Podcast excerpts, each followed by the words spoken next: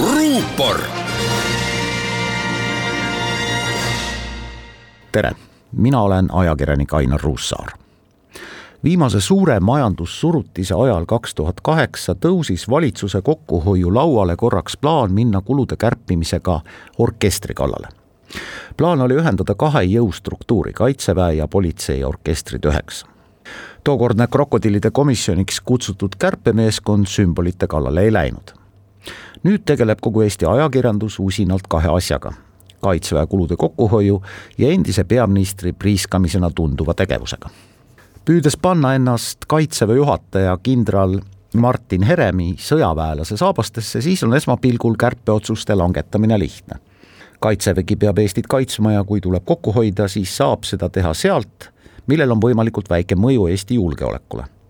Kaitseväe orkestril ja kaplaniteenistusel on esmapilgul tõepoolest mõju Eesti kaitsevõimele väiksem kui väljaõppe kokkutõmbamisel või relvasüsteemide arendamise pidurdamisel Kaitseväe orkester ja Kaitseväe kaplanid on sümbolid ning sümbolite kallale minek tähendab alati vähemalt keskmise suurusega avalikku plahvatust. selle plahvatuse on kindral Herem nüüd ka korraldanud. kui korra piiluda selle otsuse taha, siis võib seal tajuda mitmeid esmapilgul nähtamatuid allhoovusi. Kõigepealt juba minu poolt mainitud sümbolid poliitikutel on väga keeruline avalikult välja öelda, et näiteks Kaitseväe orkestri tegevuse lõpetamine on vältimatu ja see tuleb lihtsalt ära kannatada.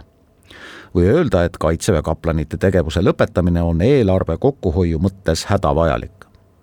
võib-olla on kindral Heremil hoopis sõjamehelikult kaval taktika sundida poliitikuid ütlema, et kärpida tuleb kusagilt mujalt, mitte sümbolitelt.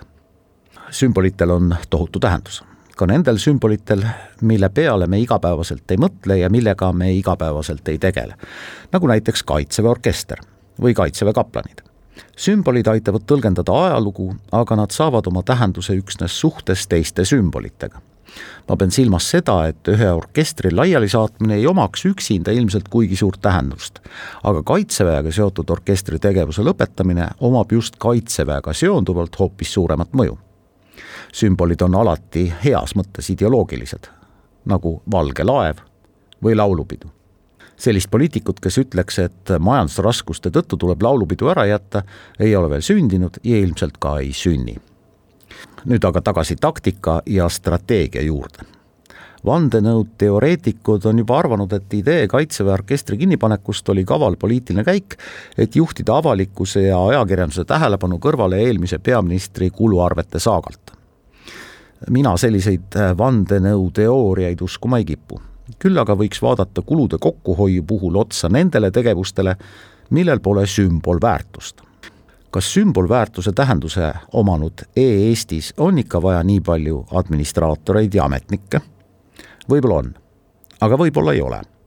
Ma arvan, et tegelikult ka on nüüd käes aeg hakata tõsiselt tegelema riigi valitsemise reformiga. Tõsiselt ja teaduslikult, ilma riigile ja riigi sümbolitele kahju tegemata. ruupor